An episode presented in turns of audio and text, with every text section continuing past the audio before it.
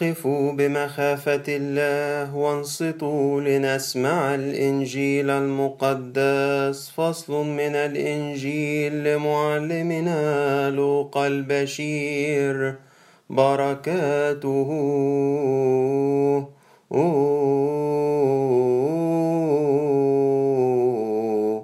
على جميعنا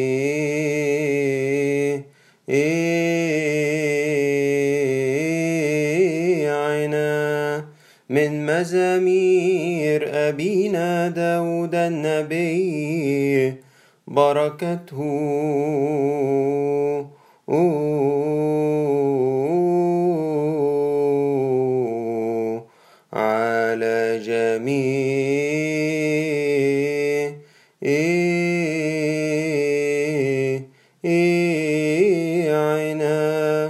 اسمعي يا ابنتي وانظري وأميلي سمعك وانسي شعبك وبيت أبيك فإن الملك قد اشتهى حسنك لأنه هو ربك.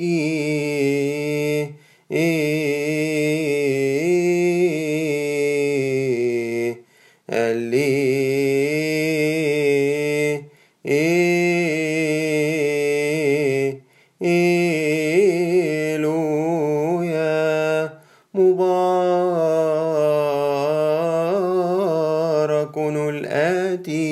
باسم رب القوات ربنا وإلهنا ومخلصنا وملكنا كلنا.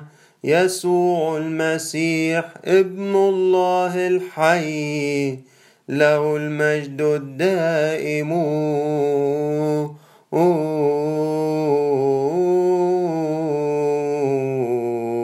إلى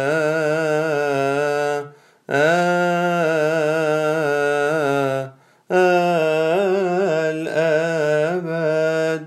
وفي الشهر السادس أرسل جبرائيل الملاك من قبل الله إلى مدينة من الجليل اسمها ناصرة إلى عذراء مخطوبة لرجل اسمه يوسف من بيت داود. واسم العذراء مريم. فلما دخل إليها الملاك قال لها السلام لك. يا ممتلئة النعمة الرب معك مباركة أنت في النساء. فلما رأته اضطربت من كلامه وفكرت ما عسى أن يكون هذا السلام. فقال لها الملك لا تخافي يا مريم فإنك قد وجدت نعمة عند الله. وها أنت ستحبلين وتلدين ابنا وتدعين اسمه يسوع. وهذا يكون عظيما وابن العلي يدعى ويعطيه الرب الإله كرسي داود أبيه ويملك على بيت يعقوب إلى الأبد ولا يكون لملكه انقضاء. فقالت مريم للملاك كيف؟ يكون لي هذا وأنا لا أعرف رجلا. فأجاب الملك وقال لها روح القدس يحل عليك وقوة العلي تظللك. لهذا فالمولود منك قدوس وابن الله يدعى. وها أليصابات نسيبتك. قد حبلت هي أيضا بابن في شيخوختها. وهذا هو الشهر السادس لتلك التي تدعى قران لأنه ما من أمر لدى الله غير ممكن. فقالت مريم للملاك ها أنا أمة الرب فليكن لي كقولك. فانصرف عنها الملاك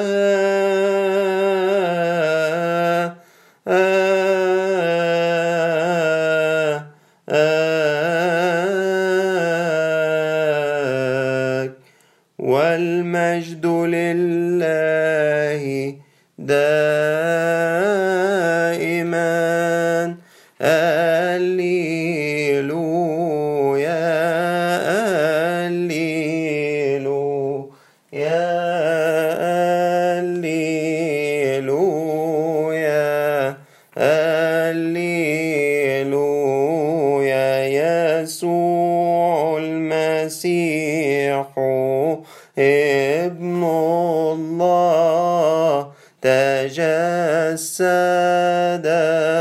من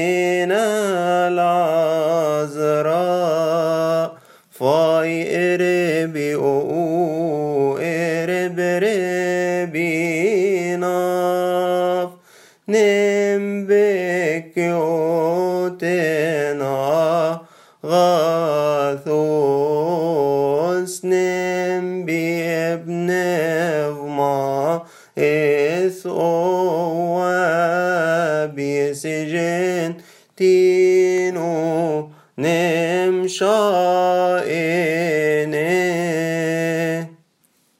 بسم الله والابن وروح القدس الله الواحد آمين. أهلا بكم يا أحبائي في متابعة سلسلة تأملاتنا في قراءات الصوم الكبير. ولكن كل سنة وأنتم طيبين. اليوم يأتينا عيد البشارة المجيد. ليوقف قراءات يوم الثلاثاء من الأسبوع السابع وتحل محله قراءات عيد البشارة المجيد بطقسه الفريحي ليعطينا أن نتذوق طعم العيد والفرح ليعزينا في هذه الأيام.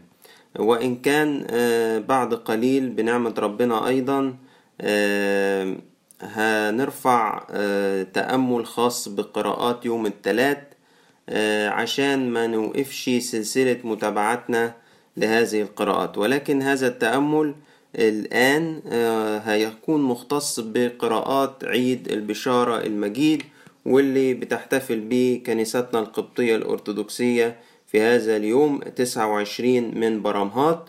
ودائما ما يأتي في الصوم الكبير ويحتفل به لحد ما قبل يوم جمعة ختام الصوم. أما إذا أتى في جمعة ختام الصوم أو ما يليها من سبت العازر أو أسبوع الآلام حتى تاني يوم عيد القيامة فلا يحتفل به لأن هذه الأيام أيام خاصة جدا. عيد البشارة المجيد هو أحد الأعياد السيدية الكبرى السبع. ويقال عنه أنه رأس أو بدء الأعياد أو بدء الأفراح لأن البشارة بميلاد المسيح أو بتجسد الكلمة هو حقا بداية أفراح الخليقة وبداية أفراح الجنس البشري كله. ولهذا فلهذا العيد كرامة خاصة ومعزة خاصة في الكنيسة والمفروض يكون في حياة كل مؤمن من المؤمنين. إذا أتينا إلى طقس هذا العيد سنجد أنه في الكثير من التسابيح اللي يمكننا أن نتعزى بها في هذا اليوم. أنا بس يعني حبيت أدوقكم كده حاجة بسيطة. لكن ممكن أبدأ كده أقرأ بعض الإرباع من الإبصالية الأضام اللي على عيد البشارة. فيقول كده توكلت عليك يا يسوع ابن الله أخطأت إليك اغفر لي من أجل والدة الإله. حل عني أعمال خطاياي ولا تصرف وجهك عني أيها المسيح محب البشر.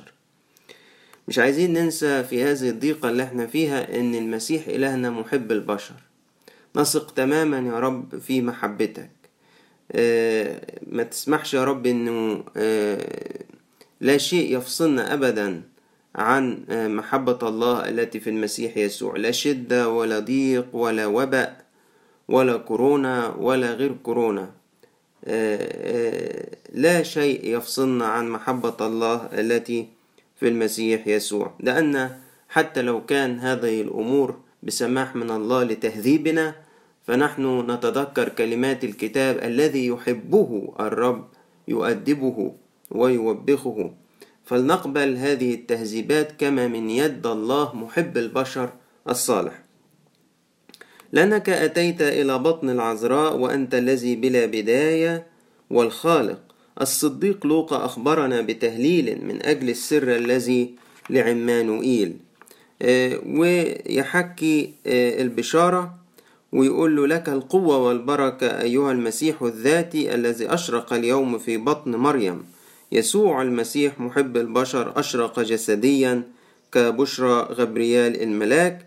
رتلوا أيها الأنبياء والصديقون لأن المسيح السيد أتى إلى العالم. ما أجمل هذه البشارة فعلا. رتلوا أيها الأنبياء والصديقون لأن المسيح السيد أتى إلى العالم. نأتي إلى قراءات هذا اليوم فنجد أنه مزمور العشية هو صرخة البشرية المترجية افتقاد الله. فتقول له يا رب زلزل السماوات وانزل. إلمس الجبال فتدخن. إرسل يدك من العلو وانقذني ونجني من المياه الكثيرة. المياه الكثيرة ذا ما هي سبب ميلاد ولكنها أيضا سبب دينونة. وحادثة الطوفان زي ما شفنا إزاي المية عمدت الأرض وأعطتها بدء جديد ولكن في ذات الوقت كانت دينونة للخطية. فالمياه الكثيرة يعني انقذني من الدينونة يا رب. وأرسل يدك معروف عند القديس إيرينيوس إن الإبن هو يد الآب تعبير لاهوتي. يعني ارسل ابنك يا رب من العلو. يا رب زلزل السماوات وانزل. أرسل يدك أرسل ابنك من العلو. وفي إنجيل العشية إنجيل المرأة التي كانت خاطئة والتي عرفت أن تجتذب مراحم المسيح بمحبتها الكثيرة لما سكبت دموعها على رجليه ومسحت رجليه بشعر رأسها ودهنت بالطيب قدمي المسيح. والرب يسوع قال لسمعان إن خطاياها الكثيرة غفرت لها لأنها أحبت كثيرا وهي بشارة مفرحة من المسيح لينا. نحن الخطأ بأنه يغفر لنا خطايانا الكثيرة. اذهبي إيمانك قد خلصك. البشارة لازم تلاقي معاها في قراءتها غفران الخطايا بشارة بالفرح السلام الإنقاذ البر والتبرير. ما هي بشارة؟ بشارة يعني إيفانجيليون يعني خبر سار.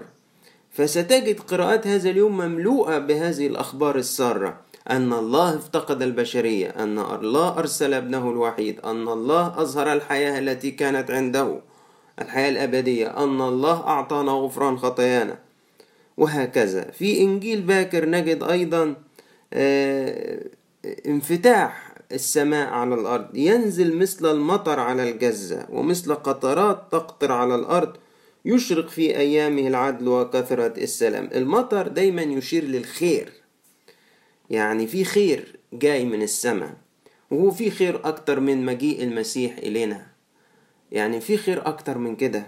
ينزل مثل المطر على الجزة بشارة مفرحة إن أرضنا الجدباء طبيعتنا البشرية المقفرة ينزل عليها المطر الإلهي فتصير أرض خصبة.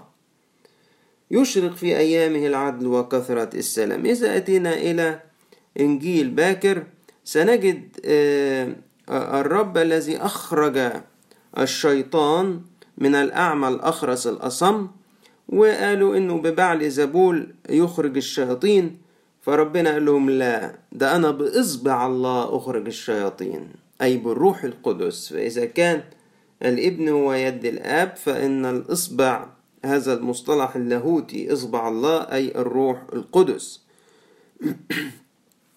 فقد أقبل عليكم ملكوت الله. فعلا بتجسد المسيح أقبل علينا ملكوت الله. وهنا الإنجيل ده رائع جدا إنه بيورينا يعني تجسد الرب. ادانا نصر على الشيطان. ودي على فكرة كان الفهم اللي فهمه القديس أنبا أنطونيوس الكبير. كان فاهم إزاي تجسد المسيح أعطانا نصر على الشياطين من خلال هذه الحادثة اللي في إنجيل لوقا. قال طبيعتنا البشرية كان فيها هذا الروح النجس وكان قاعد في أمان ومتسلح وحافظ داره. اللي هي الطبيعة البشرية. أسرها وحاكم سيطرته عليها وفاكر ان هو في أمان تام. لما جاء من هو أقوى منه أي أقنوم الكلمة واتحد بالطبيعة البشرية طرد وسحق هذا الذي كان يظن أنه قوي غلبه وأخذ سلاحه الذي كان متكل عليه وقسم غنائمه. فالتجسد أعطانا نصرة على إبليس وعلى اعماله الشريرة. إذا أتينا إلى البولس من رسالة معلمنا البولس الرسول أهل روميا وهو يشير بوضوح إلى احتياج احتياج كل من الأمم واليهود لخلاص الله. لأن الكتاب أغلق عليهم جميعا أن كلهم زاغوا وفسدوا ليس من يعمل صلاحا ليس ولا واحد. الجميع زاغوا وفسدوا وأعوزهم مجد الله. فبيقول لنا كده إنه هذه البشارة هي لليهود وللأمم لأن كلانا لم يستطيع أن يتبرر بأعماله لا بالناموس ولا بغير الناموس لأنه من أعمال الناموس كل ذي جسد لا يتبرر أمامه. أما الآن فقد ظهر بر الله. زي ما قلت لكم عيد البشارة يعني هتلاقي دايما أخبار سارة. ظهر بر الله. في الكاثوليكون هتلاقي أظهرت الحياة الأبدية. في البولس هتلاقي ظهر بر الله بدون الناموس مشهودا له من قبل الناموس والأنبياء. يعني أنا النهاردة كإنسان خاطي وعرفت واعترفت بخطاياي أروح كده أركع أمام المسيح وأقول له يا رب سامحني أنا بصدق يا رب عرفت اللي جوايا. عرفت ما فيا من ضلال وفساد عرفت ما فيا من أنانية وجبن وخوف وكبرياء وسعي وراء الشهوات والمجد الباطل والغضب والرياء. من فضلك يا رب ارحمني اللهم ارحمني أنا الخاطي وأعترف أمام الأب الكاهن بهذه الخطايا وأثق تماما أن الله يعطيني بره يكسيني ببره ويغير حياتي. لا فرق لا فرق بين اليهود واليوناني لأن الجميع أخطأوا وعوزهم مجد الله ولا فرق لأن كلاهم أيضا متبررين مجانا بنعمته بالخلاص الذي بيسوع المسيح. إذا أتينا إلى الكاثوليكون زي ما قلت لكم يعني في كل قراءة يظهر بركة. مرة غفران خطايا مرة تبرير مرة عدل وسلام. هنا أظهرت الحياة الأبدية. يقول لك وهذا هو الخبر الذي سمعناه منه. الخبر يعني البشارة. فسمع القديس يوحنا والتلاميذ سمعوا خبرا من الروح القدس من السماء إنها إنها البشارة أن المسيح هو الحياة الأبدية التي كانت عند الآب وأظهرت لنا. وقد شاركنا القديس يوحنا بهذه الأخبار السارة ليكون لنا شركة معه. حتى ما نفرح زي ما هو فرحان زي ما التلاميذ فرحانين. لكي تكون لكم أيضا شركة معنا وأما شركتنا نحن فهي مع الآب ومع ابنه يسوع المسيح نكتب إليكم لكي يكون فرحكم كاملا. أعطنا رب أن تصلنا هذه الأفراح في هذه الأيام اللي إحنا يعوزنا فيها انفتاح باب الكنيسة يعوزنا فيها اللقاء الآخر. يعوزنا فيها أمور كثيرة ولكن يا رب إن كنت أنت لنا فهذا يكفينا.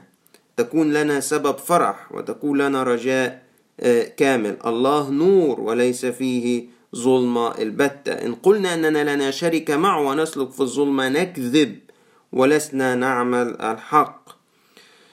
إن سلكنا في النور كما هو ساكن في النور لنا شرك بعضنا مع بعض ودم يسوع المسيح ابنه يطهرنا من كل خطية نحن نؤمن يا سيدي أن دمك يطهرنا من كل خطية إن اعترفنا بخطايانا فهو أمين وعادل حتى يغفر لنا خطايانا ويطهرنا من كل إثم. نحن نؤمن يا سيدي الرب أننا حينما نأتي إليك ونعترف بخطايانا في مخادعنا في داخل قلوبنا أمام آباء اعترافنا فإننا ننال غفران لخطايانا وتطهير من آثامنا.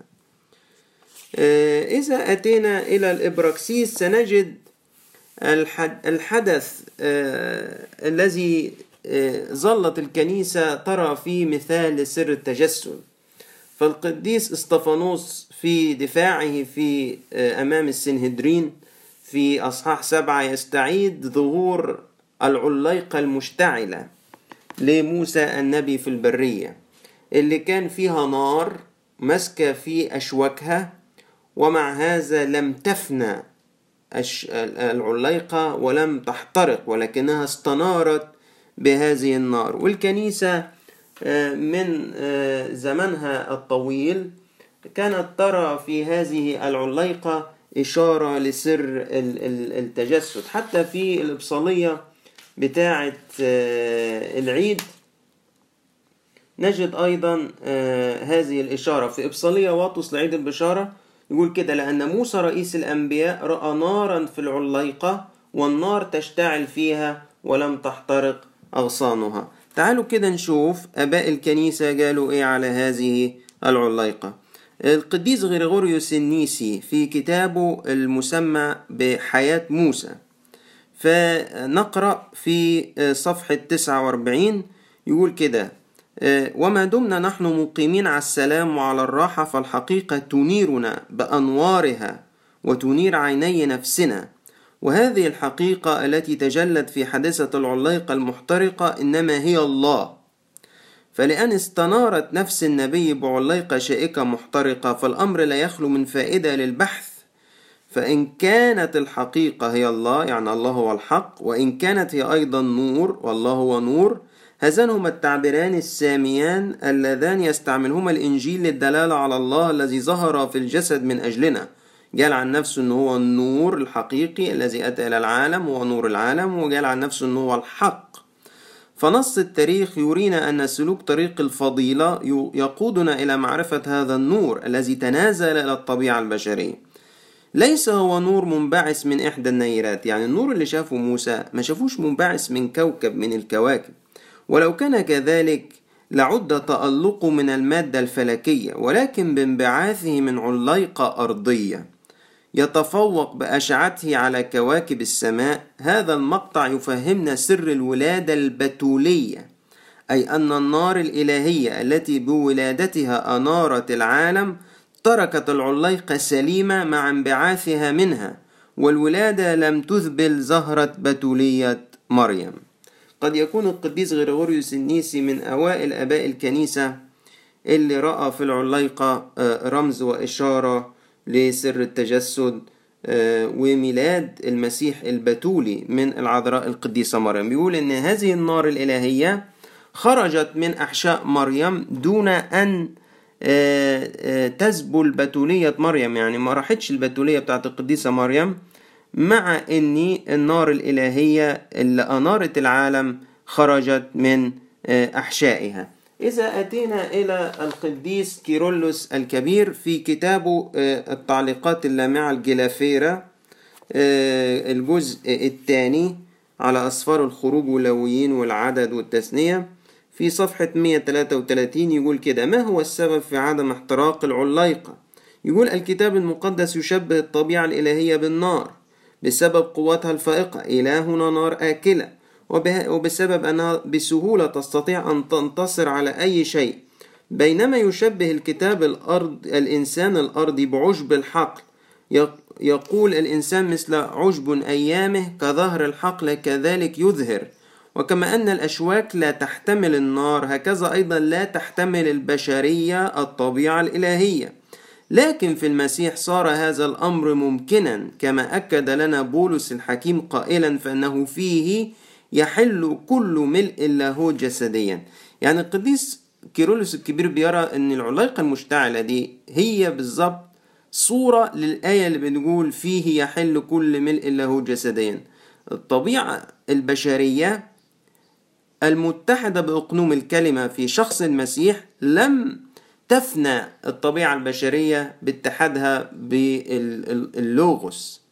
وده رد على الهرطقات اللي كان الناس تقول ده حصل امتزاج أو اختلاط بين الطبيعتين وإن الطبيعة الإلهية ابتلعت الطبيعة البشرية ولاشتها فالقديس كورولوس بيقول ما حصلش. ارجعوا إلى مثال العليقة. هنشوف إن العليقة كشجرة شوكية ما زالت موجودة لم تفنى ولكنها استنارت. وده اللي بيشير إلى تأله جسد المسيح بسبب اتحاده باللوغوس فيه يحل كل ملء له جسديا وأيضا الذي وحده له عدم الموت ساكنا في نور لا يدنى منه. لقد سكن الله في هيكل العذراء وأخلى ذاته بوداعة عجيبة جاعلا طبيعته غير المحدودة تحوى كما حدث بين النار وأشواك العلايقة أيضا تحدث عن نفس الموضوع في كتابه المسيح واحد. في صفحة 94 بيقول يا صديقي إن الذي يقول إن امتزاجا واختلاطا قد صار عندما نتكلم عن طبيعة واحدة لكلمة الله المتجسد والمتأنس فإنه يقول حقا قولا لا لزوم له لأن أحدا لا يمكنه أن يديننا بهذا الرأي بحق ولا يستطيع أن يفرضوا أفكارهم علينا.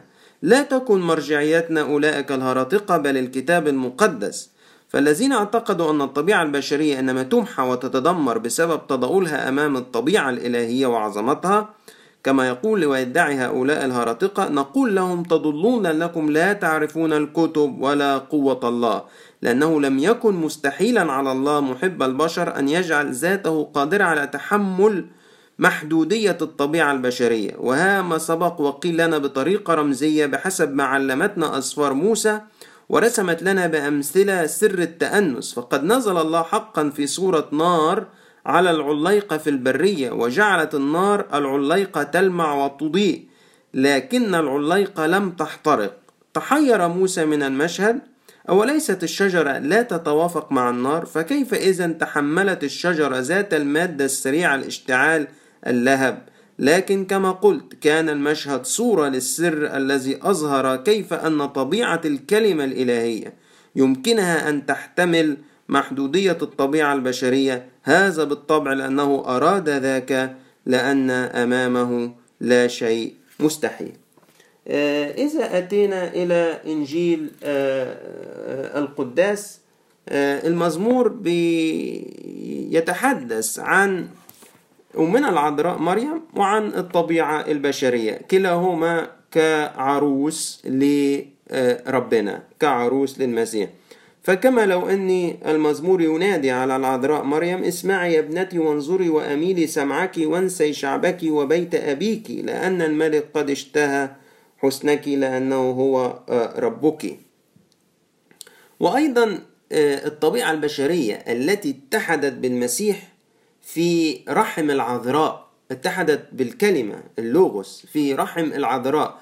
لذلك تدعوه الكنيسة في تسابيحها أنه الخدر المزين بكل نوع. كما لو أن رحم العذراء هو يعني غرفة العرس حدث فيه اقتران واتحاد بين الطبيعة الإلهية والطبيعة البشرية. في شخص المسيح الكلمة الإله المتجسد. في إنجيل البشارة من القديس لوقا أصحاح واحد والأعداد من 26 ل 38 بيحكي لنا الحادث نفسه. في الشهر السادس من الحبل بيوحنا المعمدان أرسل جبرائيل الملاك في مهمة بشارة أخرى ولكن هذه المرة بشارة أعظم بما لا يقارن. لأن الأصغر في ملكوت السماوات أعظم من يوحنا المعمدان. ففي الشهر السادس أرسل جبرائيل الملاك من قبل الله لمدينة من الجليل اسمها ناصرة إلى عذراء مخطوبة لرجل اسمه يوسف من بيت داود واسمه العذراء مريم. إذا هي عذراء هي مخطوبة هي من سبط هي من بيت داود ومن عائلة داود من سبط يهوذا. فالملاك قال لها السلام لك يا ممتلئة نعمة الرب معك. مباركة أنت في النساء. أعطاها السلام وفي اللغة القبطية السلام لك تعني أيضا الفرح لك وده اللحن اللي بنقوله راشي آه، أمارية يعني الفرح للعذراء. آه، البشارة فرح والبشارة سلام. وتأتينا البشارة والفرح في هذه الأيام وكأن الرب يطمنا أنا أنا أنا أنا بعمل كده لأني عايز أغفر لكم. أنا هفرح بتوبتكم. أنا أنا هرد إليكم آه، سلامكم وفرحكم. فلما رأته اضطربت من كلامه. أحيانا نداءات الله لينا بالسلام والفرح إحنا نخشاها نضطرب ضربت لي أمنا العذراء لأنه بيقولها آه، أنت آه، من النساء. طب دي لسه عذراء. ويظهر لها ملاك. ما عسى أن يكون هذا السلام. فقال لا تخافي يا مريم فأنك وجدت نعمة عند الله وها أنت ستحبلين وتلدين ابنا. زي ما بنقول في التسبيحة تطلع الآب من السماء فلم يجد من يشبهك أرسل وحيده أتى وتجسد آه، منك وتدعين اسمه يسوع. هذا يكون عظيما وابن العلي يدعى. ويعطيه الرب الإله كرسي داود أبي إنه المسيا كرسي داود أبي يعني ده المسيا يسوع ده هو المسيا المنتظر. يملك على بيت يعقوب إلى الأبد ولا يكون لملكه انقضاء.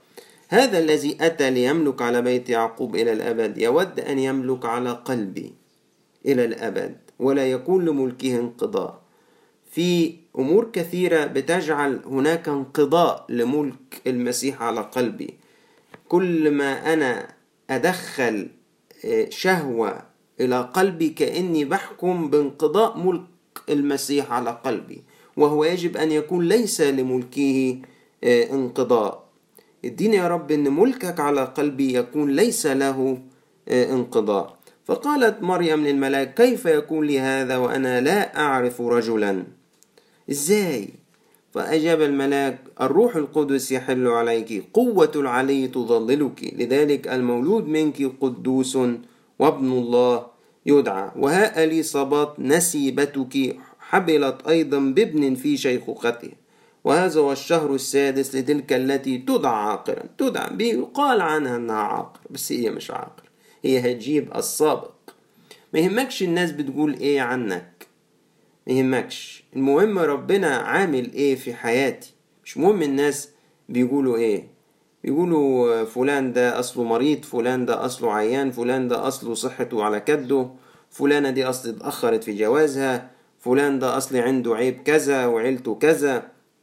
تدعى من الناس عاقرا لكنها مثمرة جدا. لقد أنجبت السابق. لأنه ما من أمر لدى الله غير ممكن. أحبائي لما بنفكر الأزمة اللي إحنا فيها دي تخلص إزاي؟ تخلص بمنتهى السهولة. إن ربنا بس يشاور كده كفى. بس تنتهي كل شيء. ولا تشغل بالك كل يوم تقول ده لسه ما توصلوش لعلاج. ده يا ترى آه، اليابان اخترعت أمريكا اخترعت الصين اخترعت. ولا تشغل بالك ب... آه، ولا تربط انتهاء هذا الوباء بمين وجد له دواء أو غيره. ليس أمر غير ممكن لدى الله. هو يقول كفى. قف هنا فيقف. فقالت مريم للملاك ها أنا أمة الرب. ليكن لي كقولك. فانصرف عنها الملاك وهنا آه، بعض الآباء يقولوا إنه ده بيشير لدورنا إحنا في الخلاص. فهذه البشارة وهذا الحبل الإلهي ما كان ليتم لولا موافقة العذراء القديسة مريم. آه، آه، إنه هذا الحبل تجسم في أحشائها هذا الجنين تجسم في أحشائها. لما قالت أنا أمة الرب ليكن لي كقولك ودي عقيدة في الكنيسة اسمها السينرجية أو التعاضد أو المؤاذرة بين نعمة الله وبين إرادتنا البشرية. فلابد في كل عمل خلاصي إنه في كل آه، أمر من أمور حياتي أنا لا شيء بدون نعمة الله. ولكن نعمة الله أيضا لا تخلصني إن لم تجد مني آه، تجاوب وتعاضد حتى لو اعتبرنا إنه لا نسبة وتناسب بين العاملين يعني كأن كأن النعمة الإلهية دي 95% وإرادتي البشرية يدوب 5% إلا إن الخمسة في المية دي لازمة للخلاص ولكن وحدها لا يمكن أبدا أن تخلصنا. ربنا يعطينا أن يأتينا الفرح والسلام والتبرير والغفران في هذه الأيام رغم صعوبتها ولكن البشارة تأتي إلينا بالفرح وبالسلام وبالمسيح في قلوبنا وبيوتنا ولإلهنا كل مجد وكرامة في كنيسته إلى الأبد. آمين.